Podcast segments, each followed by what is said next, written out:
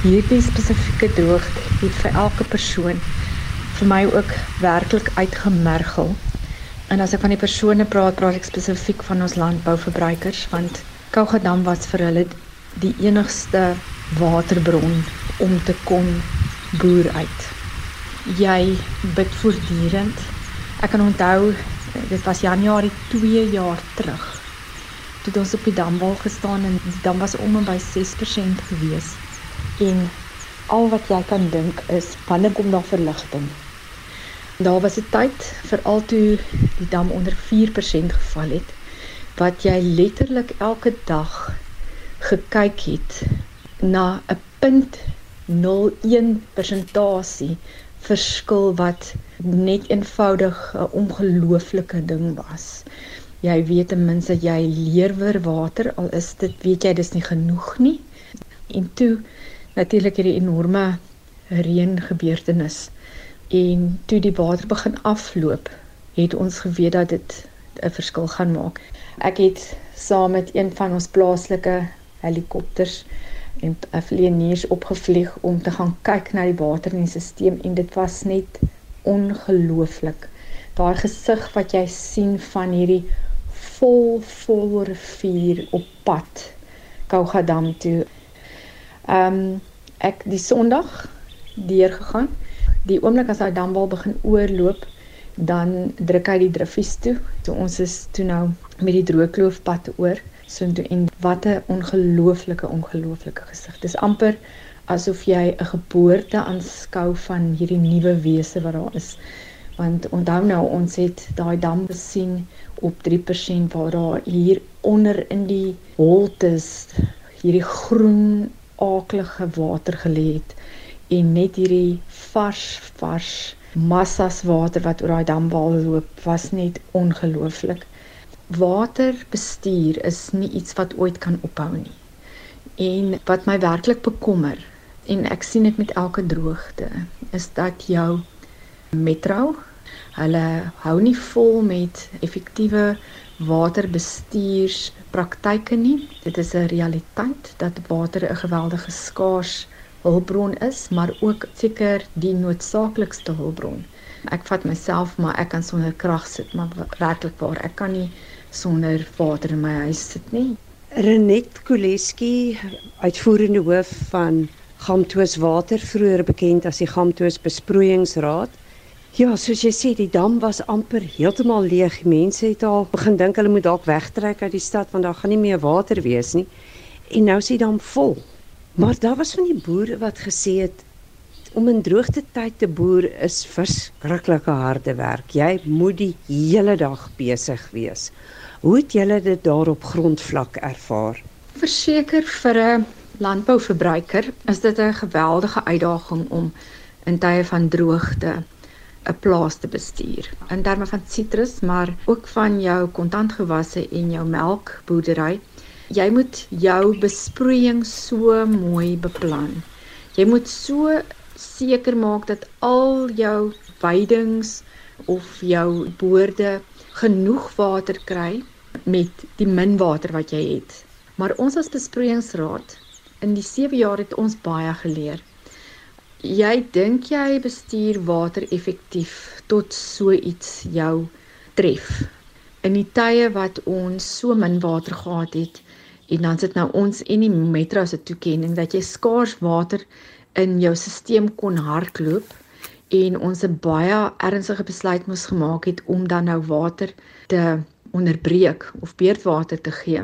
Ons het gevind dat die pype breek die oomblik as jy jou water weer begin insit oor lugdruk. amper 250 breuke per jaar waarna ons gekyk het en behalwe dit het ons ook verskriklik baie onderhoud gedoen.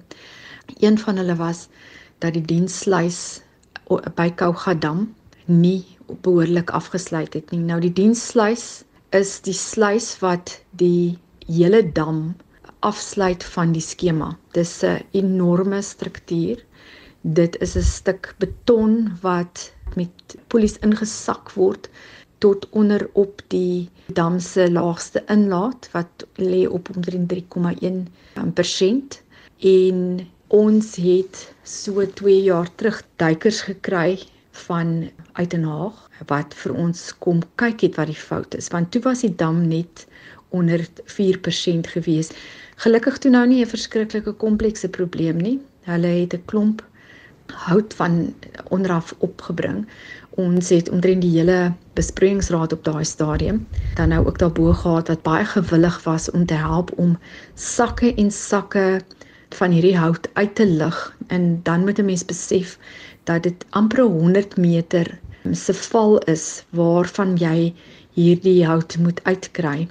Vandag sluit die dienslys mooi af en dit is een van die groot uitdagings wat ons in hierdie stelsel het is om te sorg dat so min as moontlik water verlore gaan. Onderhoud is natuurlik 'n ding wat elke dag moet gebeur en dit is ook waarop ons onsself toespits. Renet Koleski, hoofuitvoerende beampte van Gamtoos Water, vroeër bekend as die Gamtoos Besproeiingsraad, dan moet dit seker vir jou verskriklik moeilik wees as jy nou weet hoe die boere agteroor strek om die water wat beskikbaar is te gebruik. Nou is natuurlik 'n ander storie nou dat die dam vol is, maar steeds moet dit seker vir jou baie grief as jy op ander plekke ry en jy sien daar loop sommer net water en dit lyk nie asof iemand iets daaraan doen nie. Dis vir my baie swaar om te dink dat die water wat ons aan die Metro gee. Die meeste van daai water as jy in volumes kyk word deur die Metro verloor in 'n toepypstelsel. Iemand het net op 'n stadium gesê en dit is baie waar. Ons kan soveel damme bou as wat ons wil. Maar as ons nie ons water effektief bestuur nie en nie seker maak dat ons pype reg is nie, dat ons water gemeet word nie, dan maak dit nie saak hoeveel damme ons bou nie. Ons gaan nooit genoeg water hê nie. Ons is in 'n waterskaars land. Somstyds as mens kyk wat in ons munisipale areas gebeur en ek praat nie net van die Oos-Kaap nie, ek praat van Waier, dan wonder 'n mens of die inwoners van Suid-Afrika werklik besef met watter ongelooflike skaars hulpbron hulle mors. As jy kan spaar en so min moontlik water gebruik en soveel moontlik in jou bron laat agterbly, dan kan jy vir jouself sê of 'n verbruiker kan vir homself sê ek het my deel gedoen sodat ons môre kan water hê. As ons nou maar kyk wat gebeur het oor tyd, sal dit die grootste punt van konflik raak as jy nie die bron het nie. Maar dan net laastens, want die Kougadam loop nog steeds oor. Is nou al amper 'n maand nê wat hy oorloop. Baie stedelinge het nou die gevoel van jippie, hier is nou weer genoeg water vir ons. Maar daar is nie, want ons belangrikste dam is die Mpofu dam. Ek weet nou dit is nie onder julle bestuur nie, maar ek neem aan jy sal ook weet wat by daai dam aangaan. Dis die Mpofu dam, geleë in die Kromrivier en hy's nog nie eers halfpad vol nie. As jy oor die algemeen kyk na die toekenning uit Kougadam, dan kry die metro maar 17% van die totale toekenning uit Kougadam. So dit is in 'n mindere mate belangrik vir die metro. Die groter dam is die kromstelsel. En die kromstelsel soos ons nou verstaan ook bestaan ons nou uit die twee damme wat Churchill is. En Churchill moet oorloop. Hy is maar 35 miljoen kubiek om dan nou om po voet te voet wat 105 miljoen kubiek is. Die Mpofu word bestuur deur die Metro en Churchill word ook bestuur deur die Metro. Spesifiek daai twee damme voed ook vir Humansdorp en die Kouga munisipaliteit onder andere Humansdorp, Oosterbaai en Jeffreys Bay, daai areas. As jy nie jou bron baie versigtig bestuur volgens die beperkings nie, dan hardloop jy die risiko dat daai dam sal val. En ons het nou gesien dat Mpofu sedert Januarie tot dink dit was middel Augustus dat hulle nie enige water kon onttrek nie. So mense moet baie versigtig dit bestuur.